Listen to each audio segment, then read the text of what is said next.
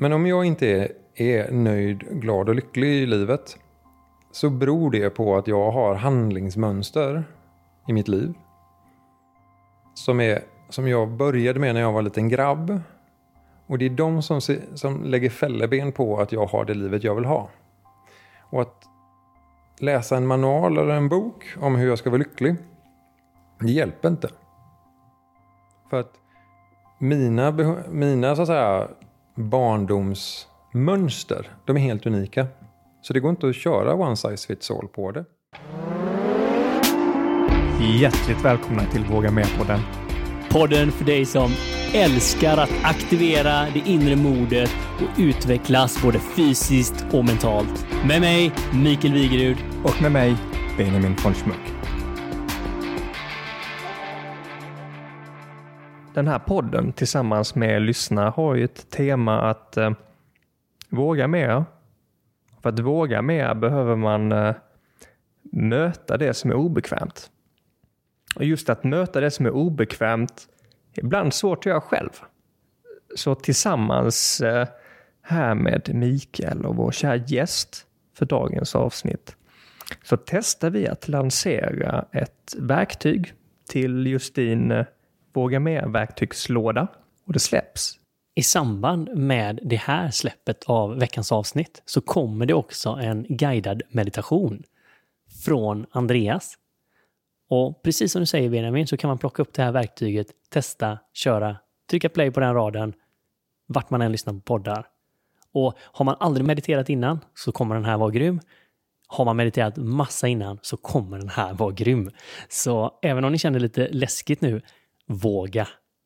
Men värm upp med Andreas story. Den kommer att verkligen att klä er in och ge ännu mer effekt av meditationen.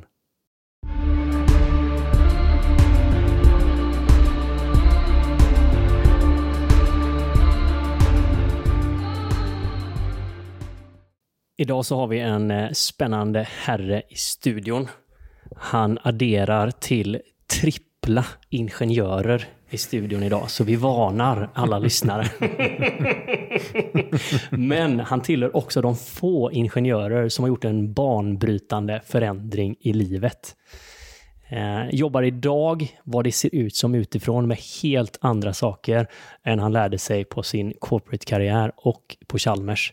Men vi är extremt nyfikna att ta reda på mer om den här spännande herren. Så varmt välkommen Andreas Kilberg.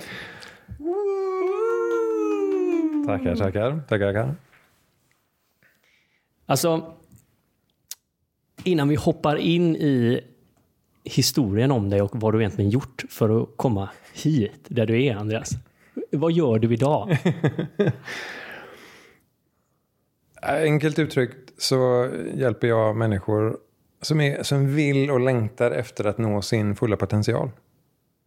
Antingen en hel del kommer till mig och vill nå sin relation, alltså med sin partners fulla, fulla, fulla potential. Men det handlar väldigt mycket, även i relationer, om det personliga. Så jag jobbar egentligen främst med individer som vill växa, ha mer. Leva lyckligare, våga mer. Apropå podcastens titel. Det är vad jag jobbar med.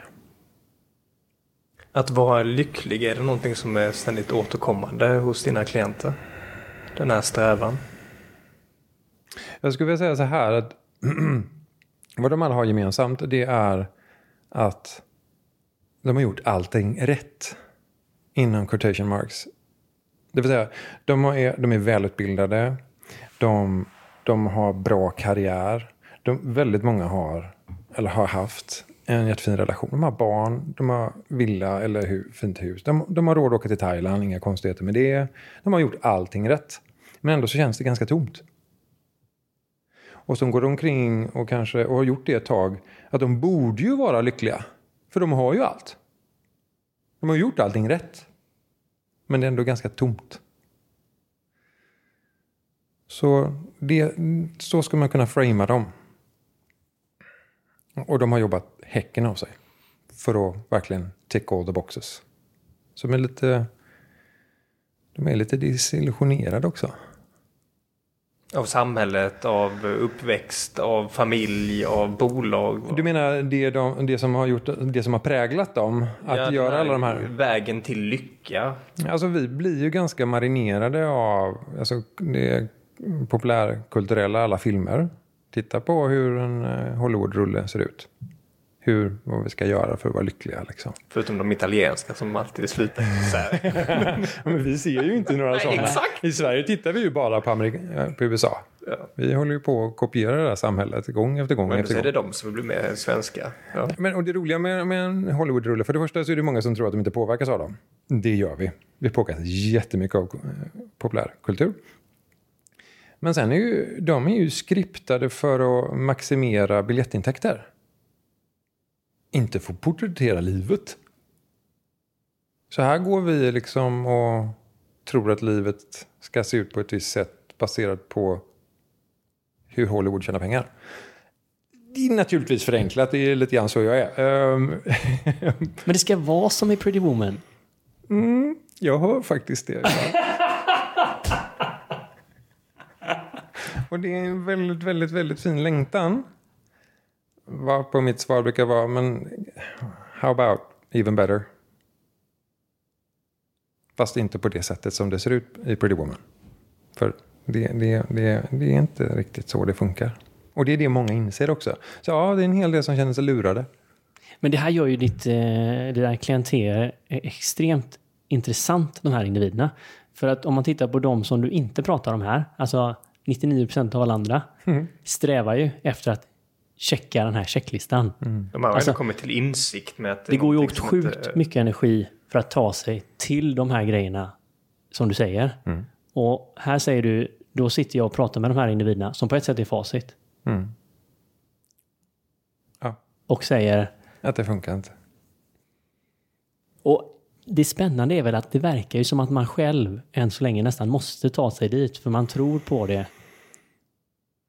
Ja, alltså det var väl Jim Carrey som sa det. I wish everybody could be rich and famous and be able to buy everything they want just to realize that that's not the point. Så att, ja. Jag ser ju en skillnad i det. För om man tittar på den yngre generationen, de som är typ runt 20. De är liksom materiellt mättade från början. Så de höll inte på som jag gjorde. Jag blev ju jätteglad när jag fick en smartphone. När jag jobbade på ett, eh, ett stort konsultbolag här i landet. Oh, det var jättespännande. Det kunde de ju verkligen få mig att bli glad för. Skulle min 19-åring bli glad för att få en eh, smartphone av en arbetsgivare? Nej. Så de är faktiskt bättre förberedda skulle jag vilja säga för det här än, än vad min generation var. Jag är ju asgammal då, för jag är född 74. Så att... Eh, så det, där är... Mm, alla springer som fan, men ingen vet riktigt varför de springer. Och inte heller vad slutresultatet blir där. Så att, ja, det är väldigt mycket vilsenhet skulle jag vilja säga. Det är det. En, en fundering här. ehm, Det får mig att tänka på den här behovstrappan. Man har, ja, exakt. Mm. Att man har liksom en grund och att man vill gärna inte vara i krig och man vill ha Mm. mat på bordet. Mm. Och sen så längst upp är det här självförverkligande. Mm. Och att det känns som att det är verkligen den moderna problematiken idag. Mm. Och sen så stångas vi med att kanske andra bitar av den här trappan som raseras nu i det här samhället som vi, som vi lever i. Mm. Men är det just den här självförverkligande som folk kommer till dig för? Ja, det är det.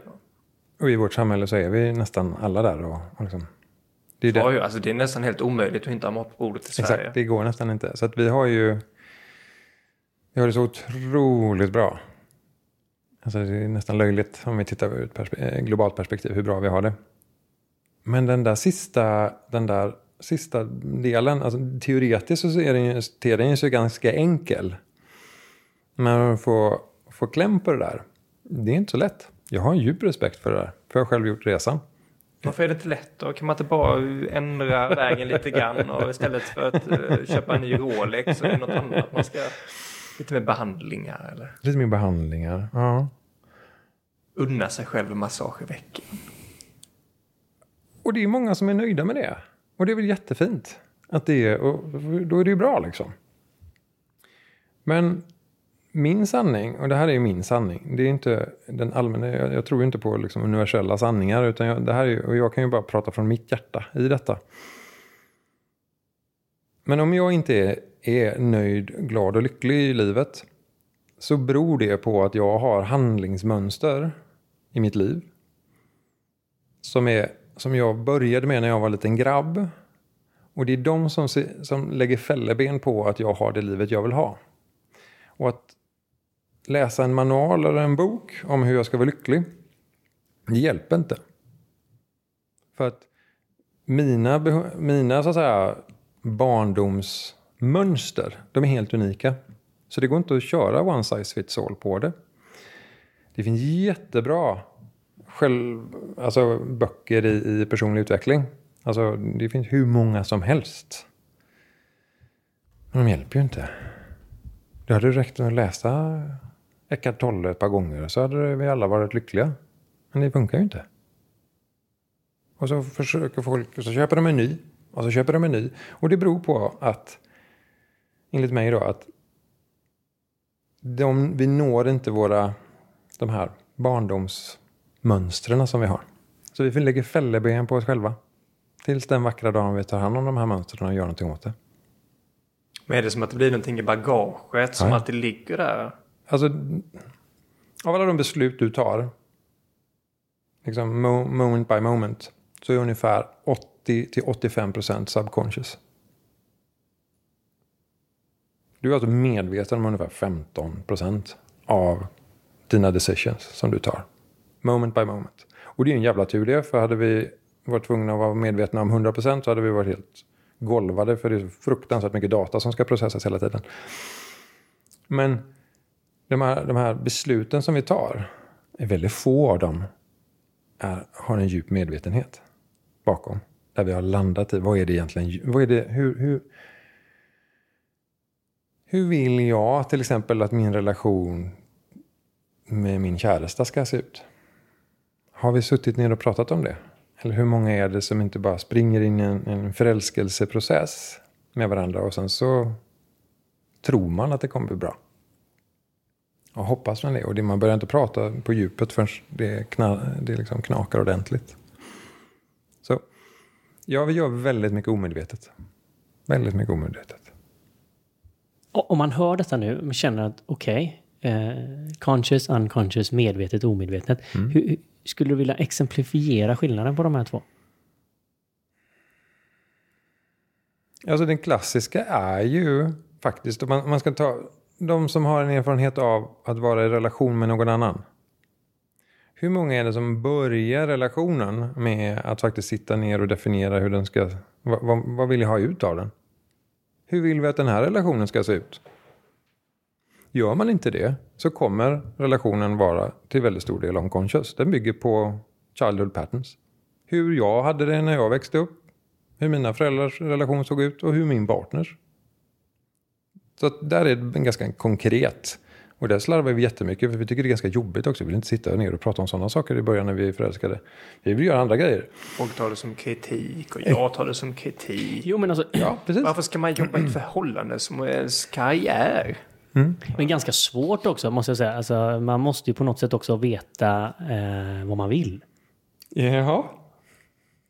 Alltså, så, så frågan låter ju... vad man vet. Där satte du pricken över i ett Mikael och jag tänkte på det här eh, Andreas. Eh, Jag vill ta mig dit. Ska vi se hur du, hur du sa. Vi får se om jag säger det fel här. Mm. Att du vet vad du vill ha i livet. Eller vilken väg du vill ta i livet. Mm. Och så jag uppfattade det. Och jag tänkte, det är så många som inte vet vad de vill ha. Jag vet inte vad jag vill ha i livet än. Det börjar liksom suddigt sådär. Vad jag inte vill ha, börjar, där har jag börjat. Mm. Men jag kan tänka att det är så många som inte vet vad de vill ha och de banar på i den bana som känns tryggast, som känns säkrast. Mm. De som kommer till dig, har de en känsla för vad de vill eller är det i processen också att ta reda på det, utforska det? Ja, det, det är jättemycket en fråga som jag tror att vi alla har den och den ska ju, den, vi kommer ju aldrig riktigt fram till ett svar där heller, utan det där, det där förändras ju hela tiden. Men sen så, så, så ja, det har, många undrar det. Vad, what's my purpose? Exakt mening. Ja, Ja. det är, det är, många längtar ju efter mening. En hel del människor känner sig ganska meningslösa. När man Ja, lyfter på Speciellt i locket. ett samhälle där alla har mat på bordet oavsett vilket. Jo, men det är ju det här som är så sjukt intressant. Att det som vi då säger är bra, vi börjar med att säga det, vi har det så himla bra i Sverige. Mm.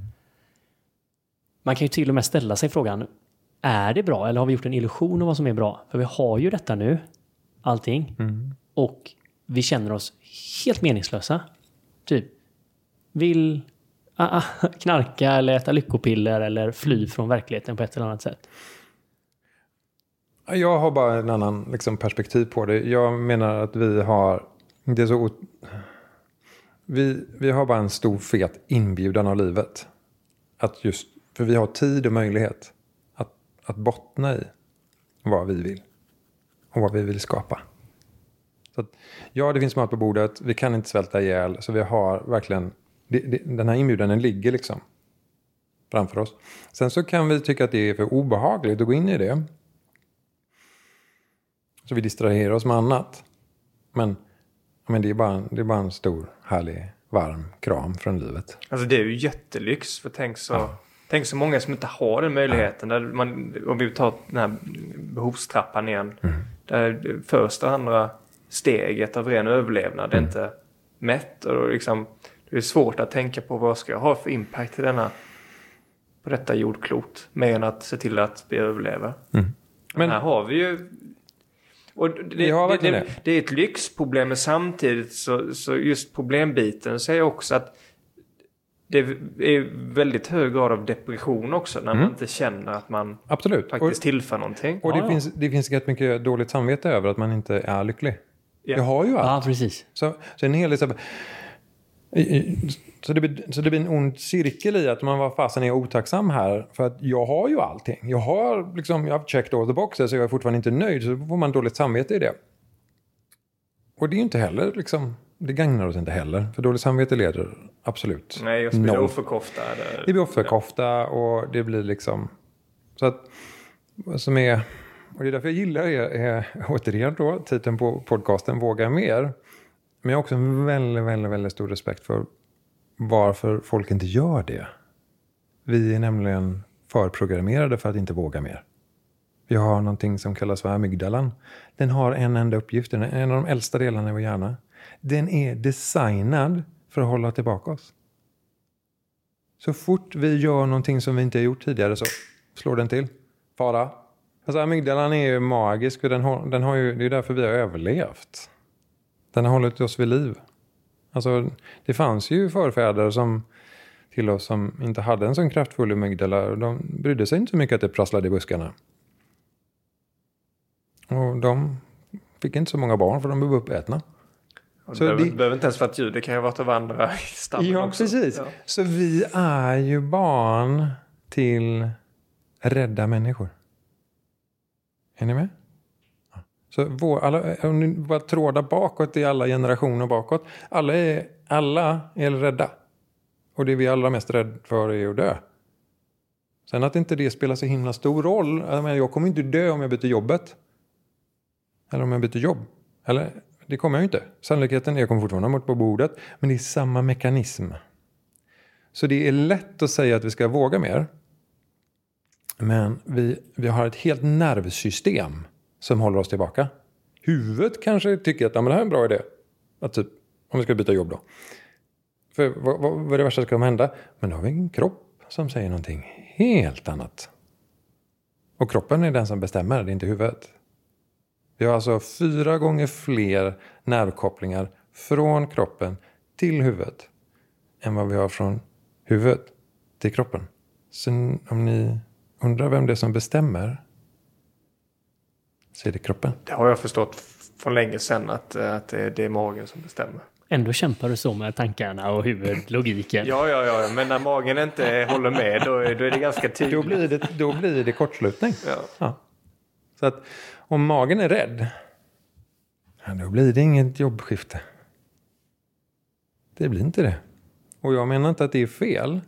Och det kommer inte hjälpa att jag kommer fram till dig och dunkar dig i ryggen och liksom kom igen nu, nu kör vi. Kom igen, kom igen. För då kommer du bara knyta ihop dig och stelna till.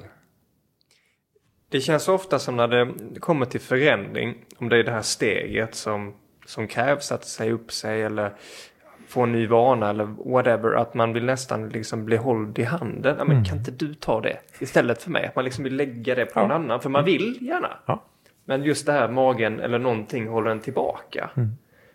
Kan man på något sätt koppla bort det så att man känner att "Ja, men jag klarar det här själv? Alltså det är det jag tror folk gör en del med att ta sig ett par järn extra. Då blir vi helt plötsligt modiga. Vi blir inte så smarta. Jag rekommenderar det inte. Men Ingår inte i guideboken. det ingår inte i min guidebok eller i min verktygslåda att man tar sig ett par järn för att våga. Jag menar inte att det är rätt väg. Men, de, de här, men ser ni liksom att vi faktiskt redan vi har hittat de här vägarna? Och ibland så blir vi, kan vi tycka det är jätteskönt att ta ett par extra glas vin för då vågar vi äntligen säga vad vi egentligen vill. Då vågar vi. Men det är då vi ofta inte är kapabla till att få fram det. Ja, det beror på hur många järn du tar. Men, men ja, nej, det finns inte heller så bara en switch du kan slå på där för att, att skapa det modet. Utan det här måste vi... vi Feel the fear and do it anyhow. Finns det någon bok som jag tror jag, jag läste någonstans för länge sedan. Det handlar om att, att, att bli kompis med rädslan och känna den. Och, och, och, och få systemet, alltså nervsystemet att förstå att ja, men jag kommer inte dö. Om jag säger det här till min partner eller till min chef eller gör vad det nu är som vill göras. Men det finns liksom ingen sån här... Ja, det finns ju magic pills. det gör det ju. Men mm, då får du också en altered consciousness. Och då är du inte medveten längre. Och då har, du, då har du distraherat dig. Det har vi pratat om också, Mikael. Det är ju det här med att, att förändringen ska komma inifrån. Att det, istället för att ta ett piller, om vi kallar det lim, limitless piller eller liknande, att man skapar den känslan inifrån istället för att det finns ju potential, där finns ju bitar. Och desto mer man gör det, desto mer så kodar man ju om sig själv till att göra mer och mer av det också. Och vad jag tycker man ska, vad som har förlorat i den här debatten det är ju liksom insikten om att kolla här, vad det The Magic Pills gör, vad det nu än är då. Om det är preparat eller om det är, är liksom alkohol eller vad, vad, vi, vad det än är. Så är det inte det att, att jag intar någonting som gör att, som tillför mitt system någonting. Utan vad alla de här grejerna gör det är att de öppnar oss. Och sen så, så släpper spänningen i oss. Och då kommer, då har, då har vi access till det vi vill och då kan vi göra det. Så det är inte det att de här, det är, det är bara... Det, är bara, det, det funkar inte. Och, och göra, ta externa grejer för att öppna upp oss själva. Vi måste öppna upp oss själva inifrån. Och det är lite fräckt jag som får äran här att sitta i studion. Och så ser vi när du pratar om detta, då använder du dina händer, du för dem till höjden vid hjärtat och så drar du liksom så här när vi öppnar upp oss. Eh, och det är liksom kopplat till den här resan att vara modig också, eller att våga röra sig i den eh, riktningen man vill, eller säga det man vill. Eh, det finns ju många exempel, men jag tror alla kan ha stått på något dansgolv kanske och eh, vänt sig mot baren istället för att bjuda upp. Ett enkelt ex- exempel där man inte möter den rädslan fullt ut. För risk att bli avvisad. För risk att bli Det är nog en av de största rädslorna tror jag. Ja, dö, men att bli avvisad Ja, men den trådar du den bakåt. så är det korrelerat. Så den är en korrelerad. För vi är... Vi, alltså vi, alltså vi tycker ju vi är jätteavancerade. Det är vi ju inte. Vi designade för att bo på savannen i grupper om 30 personer. Om inte vi har en tillhörighet till en tribe, då dör vi. Så amygdalan och ditt nervsystem, den signalerar att om inte jag, om jag blir avvisad nu, så kanske jag hamnar utanför staketet här nu i byn. Och då kommer lejonet upp dig. Eller utanför rökrutan. Ja. Ja men, och, man, man, ja men jag är ju mycket mer evolved än så. Nej, det är du inte. För ditt nervsystem är inte det. Din, vår intellektuella kapacitet är det, vi förstår det. Men vår kropp lever i en helt annan verklighet. Så att jag har djup respekt för att vi inte vågar mer än vad vi vågar. En kort paus. Våga Mera växer så att det knakar. Och vill du hjälpa Våga Mera att fortsätta att inspirera och skapa förändring och hjälpa oss med utvecklingen av podden? Så finns det en enkel sak du kan göra här och nu och det är att följa podden. Och det går till lite olika beroende på hur du lyssnar. Lyssnar du via Spotify så finns det en följa-knapp precis under bilden. Och lyssnar du till exempel via Apple Podcast så finns det ett plus uppe i högra hörnet. Så tryck där så är du alltid uppdaterad när nästa avsnitt kommer ut. Och givetvis fortsätt att vara den inspiratören du är.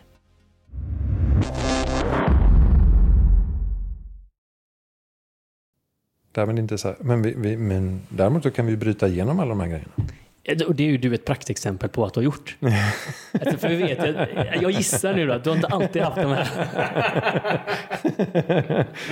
ja, det kanske är. De här samtalsämnena hela ditt liv. Kan du, kan du ta lite, din, liksom, hjälp oss lite här hur du började. Du är ju skolad på, i Göteborg här på Chalmers. Du är civilingenjör. Mm. Du har haft liksom, har du gjort lite av, av den här resan som dina klienter också är på?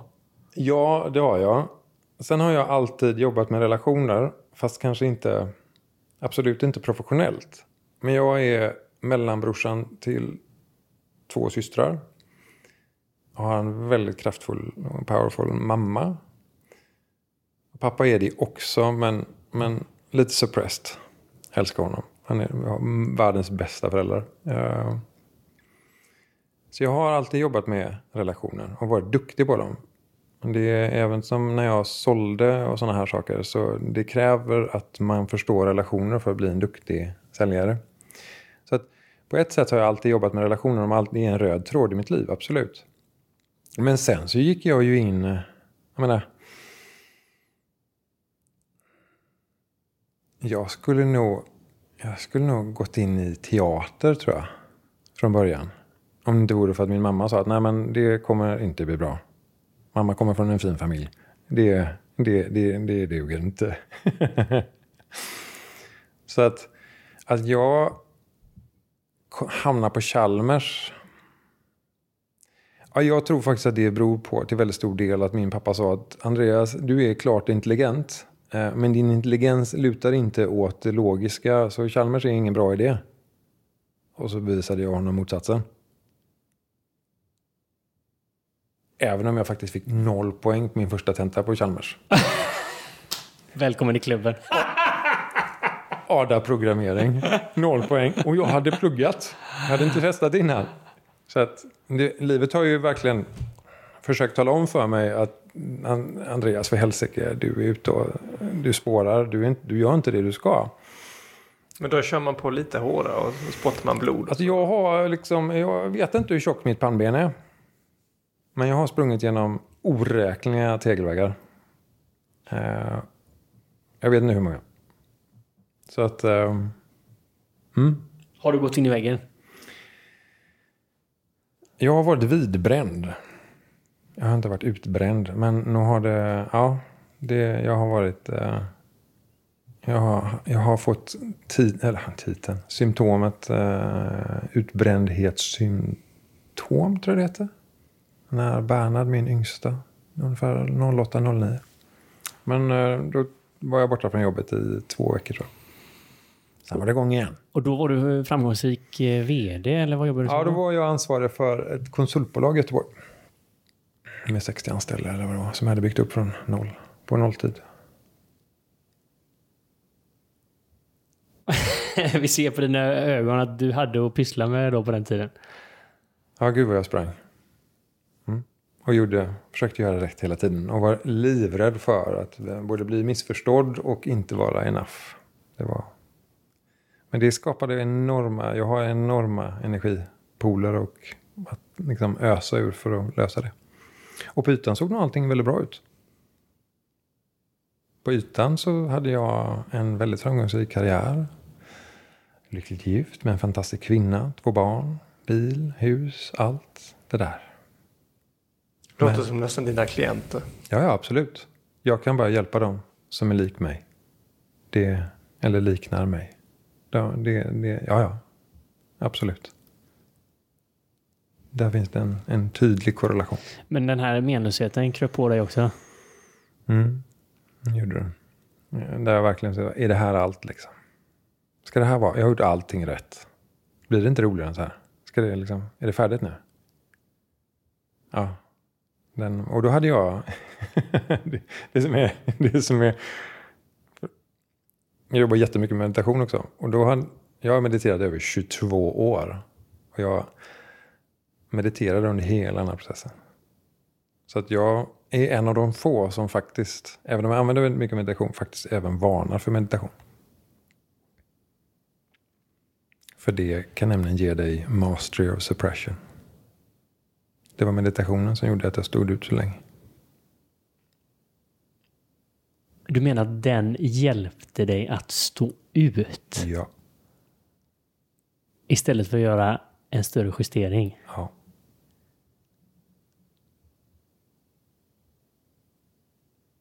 Det är nog första gången jag, jag hör det. Mm. Då ställer du dig till, till det Mikael. Jag ser att du har ett... Nej, men jag har ett litet på- lurigt leende för det Ja. kanske inte är hela sanningen men det är också sant. Alltså nu vet jag ingenting, meditation är ett jättebegrepp och vad du använt för tekniker alltså det är massa intressanta fullfrågor. Men det är extremt fascinerande också att haft med någon form av medvetenhetsträning, närvaroträning under en sån här process. Yes. Sen om den gick snabbare eller långsammare än vad den var tänkt eller precis så som den var tänkt. Och den var tänkt precis som den var tänkt. Det, det, jag ångrar inte en sekund. Det var verkligen vad jag behövde. Men, men att jag kom så jäkla långt in i återvändsgränden som jag gjorde. Det beror delvis på ett tjockt pannben, mycket vilja, mycket energi. Men också meditation. Yes. Jag, kör, jag praktiserade ju helt själv utan lärare. Ja. Så jag hade ingen guide. Men vad var det guidning eller riktning som det var som var lite feljusterat? Nej, men jag tror att så här i...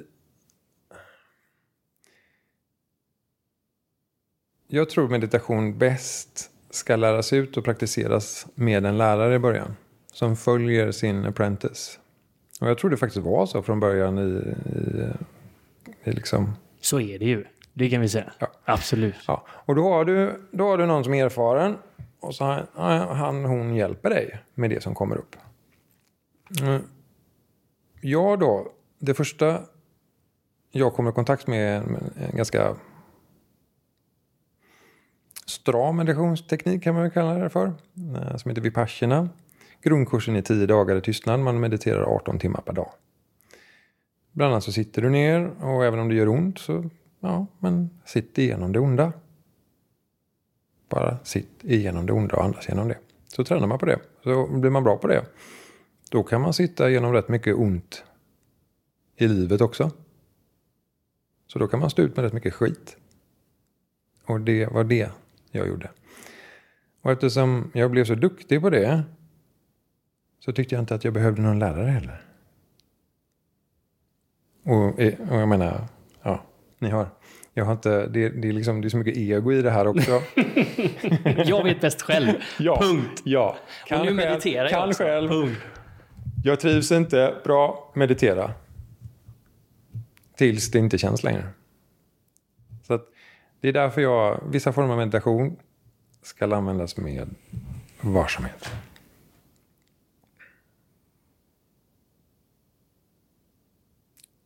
Så, mm, men, och då ska ni ha klart för att jag, alla mina klienter mediterar. Jag tänker att det är en eh, extremt hjälpsam del som du supportar dem med idag.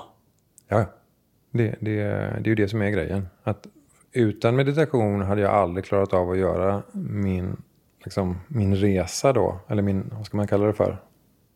Det är inte mitt första uppvaknande, men, men liksom där jag, det som ändå har skiftat väldigt mycket om man tittar fem år bakåt. Utan meditation hade jag inte klarat det. Men man ska ha klart för sig potentialen i det också. Det, det är ett väldigt skarpt vapen. Så man kan skära sig. Det är inte bara att sätta sig med headspace och tro att det ska bli bra. För det blir det inte. Det är ju precis som du säger, det har ju väldigt många lager och det är ju ett ord idag som alla känner till. För kanske 30 år sedan så kände inte alla till det. Men idag säger man yoga eller man säger meditation. Då har ju alla någonting som kommer upp i huvudet. Ja. Om den idén som våra lyssnare nu har i huvudet, en intressant grej att skicka ut är ju så här, är den sann? Det kan man ju ställa sig frågan. Alltså, min typ djupdykning i Indien kan man väl säga egentligen gick ut på att förstå de här två orden mer. Vad döljer sig bakom? Hur fungerar det? Hur har det lärts ut som du säger? Behöver man en lärare? Är det jättefarligt eller är det bra? Alltså det finns en miljard frågeställningar och lager på detta. Och när vi tar saker till väst så tenderar de ju att bli ganska så snäva. Förenklade. Ja. Och ja, men det är headspace. Så jag har gjort... I'm eh, gonna take this down into three bullets. Yeah. I'm gonna teach you in five minutes. Och det finns ju en poäng med det också. Alltså, eh, det måste man säga. Nu vet ju hela världen någonting om yoga. Det är ju fantastiskt. Det är jättebra. Men den spännande inbjudan är ju nu så här att ta nästa lager på det. Exakt. För de här klienterna som du träffar, jag använder dem som exempel nu igen. De kanske går på yoga en eller två gånger på sats. Mm, säkert. Eh, Men det kanske inte heller hjälper riktigt mer än checkar av checklistan. Och man kanske blir lite lugnare en sekund och lite smidigare. Och så. Ja, alltså vi får ju... När det blir... Då blir det ju precis som att ta en öl på fredag kväll. För att om, om det är så att säga att vi, ska, om vi använder det som en säkerhetsventil. Och, och, och så att säga. Då, då är det ju inte bra. För att då, då, då gör vi ju uppenbarligen grejer som under vår liksom day to day. Eh, jag pratar väldigt mycket svengelska för min partner och jag pratar engelska. Så det är därför det är väldigt mycket svengelska på mig. Ni får ursäkta. Ja, men då gör vi ju grejer. Kan vi texta avsnittet Benjamin? Lägg av. Så.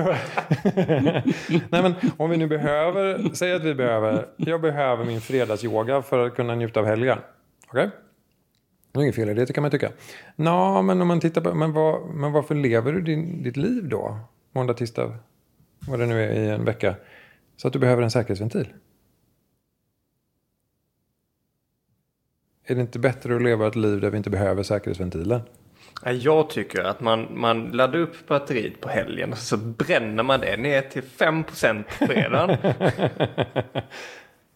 Så det är det, och det är det som inbjudan är.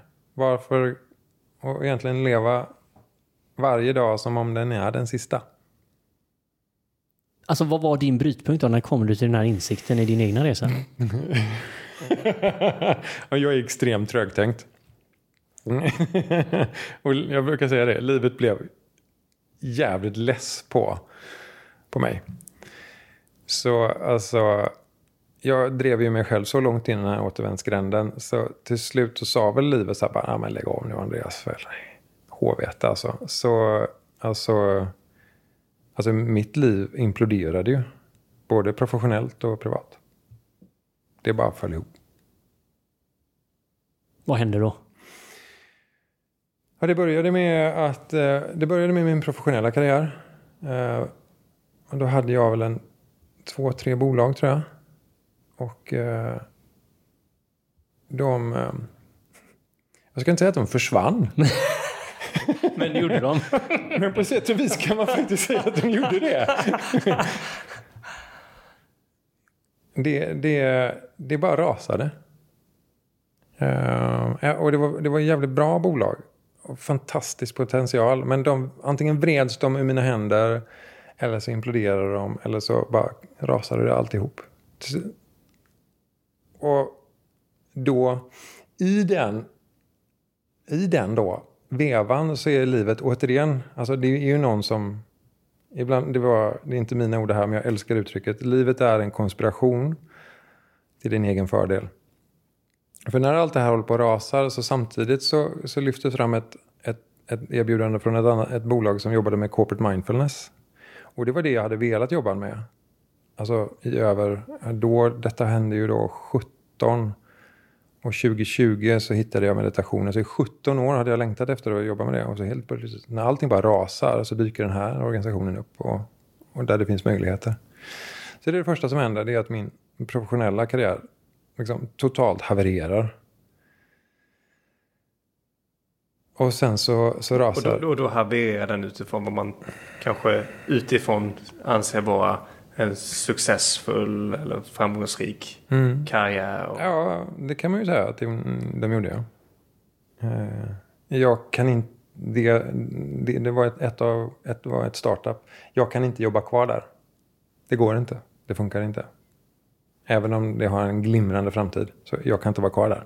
Det funkar inte. Men är det på grund av dina insikter eller att bolaget... Nej, nej inte mina insikter. Det, de, det, var, det är därför jag säger så att livet var väldigt trött på mig. För den såg till att, att jag inte kan vara kvar där. För det vreds ur händerna på mig. Är i- med en, I en legal process. Så jag kunde inte vara kvar. Så att, för annars hade jag väl aldrig gjort det. För jag hade väl fortsatt att göra styrsystem till grävmaskiner eller något sånt där som vi faktiskt höll på med då. Och jag ska inte hålla på med styrsystem till grävmaskiner. Det blev väldigt tydligt just då. Det, det blev verkligen det. Jag, jag såg det inte då. Då tyckte jag ju att då var jag ju i offerhålet. Liksom. Så Jag gjorde, pannbenet var inte så tjockt bara, "Ah, fan jag ska göra en konkurrerande lösning här nu och så... sk-" jo då. Ja, ja, det, var en, det, var en, det var en legal battle. Eh, så att, men det gick inte till slut. Ja. Så att, och det är det jag menar, livet var rätt trött på mig. Så nej, jag, jag tar inte credden för... Apropå det här när jag säger så här, och det är därför jag har så djup respekt för att folk inte vågar. För jag har inte själv vågat. Utan jag har verkligen drivit mig så långt och sen så det, har saker och ting rasat. Så jag har inte haft något, jag har inte haft något alternativ. Men vad jag vill och, och, och försöker guida människor till är att inte driva sig så jävla hårt. För det, alltså hela mitt liv rasade ju. Det enda jag har kvar, jag valde att behålla i mitt tidigare liv, det är mina två grabbar. Resten är i princip borta. Och det känns ju ganska onödigt ofta. Så långt behöver vi inte gå. Nej, och vi vill ju inte uppfinna hjulet på nytt varje gång. Det är ju en del av att vi sitter här också. Ja. Det är ju på något sätt för allt det eländet som vi kan hitta och som du beskriver också nu. Ja. Det blir ju på något sätt en inbjudan till någon annan. Ja. Att snappa upp det här. Så eh, gör inte som jag. Det är skitjobbigt. Att när du både liksom imploderar både privat och professionellt. Skitjobbigt. Det är så jädra mycket man måste laga ihop. Det är mycket slugare att göra en, ha en, en hyggligt liksom, strukturerad process. Här har jag en, eh, en fundering. Många av dem jag träffat, både professionellt men privat, som har gjort en förändring har ofta behövt komma till insikt där själv genom att världen på något sätt raseras eller man blir sjuk eller man, man tvingas nästan till en förändring. Mm. När du jobbar med klienter, är det ofta förekommande eller är det, går det att komma till insikt utan att man verkligen kraschar? Alltså jag tror så här, man kan komma till insikt att någonting måste hända. Men, det här är ju inte jag som har kommit på det, men, men eh, man brukar säga så här. Vi gör bara större förändringar i två lägen.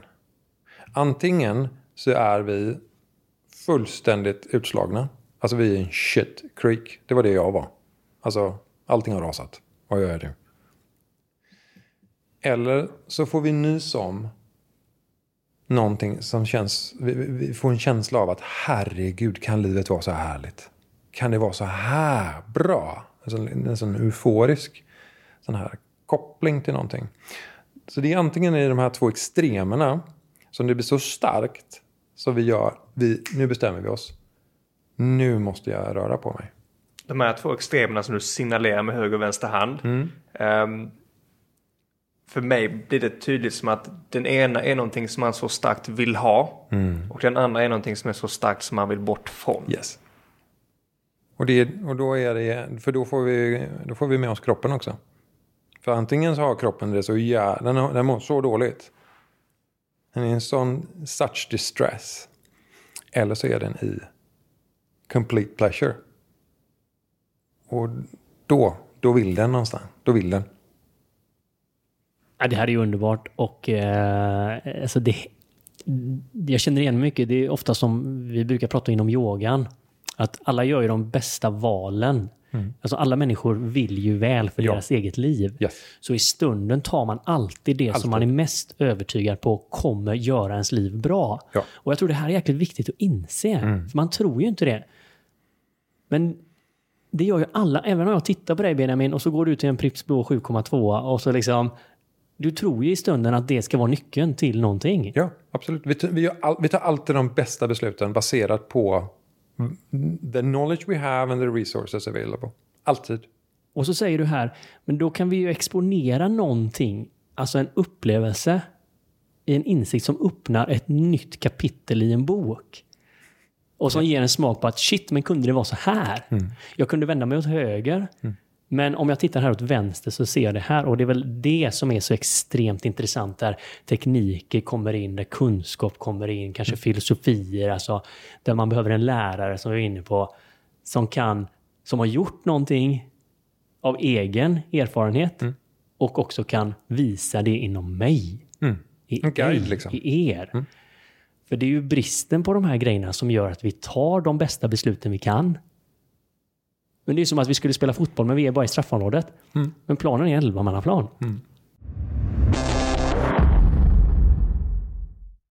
Vilka fina nycklar vi har fått i dagens avsnitt Andreas. Mm. Både från eh, dina tips och råd angående relationer och självförverkligande men också vad du delat om din egen resa.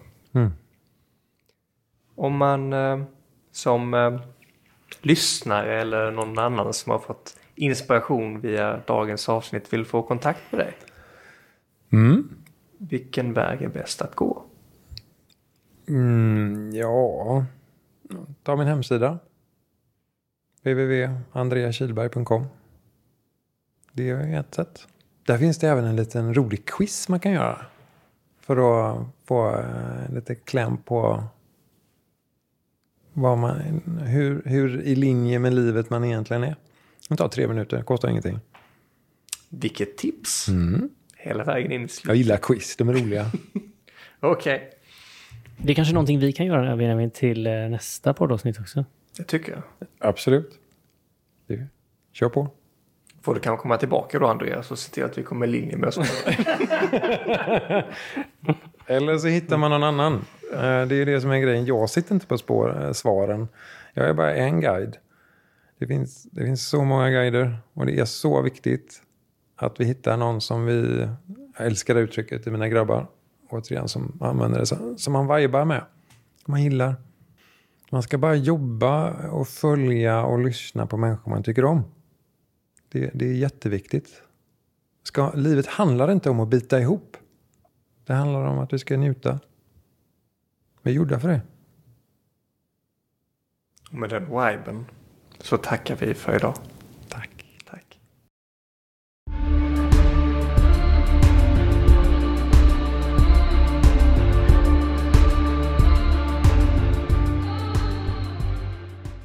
Du har precis lyssnat på Våga Mer-podden.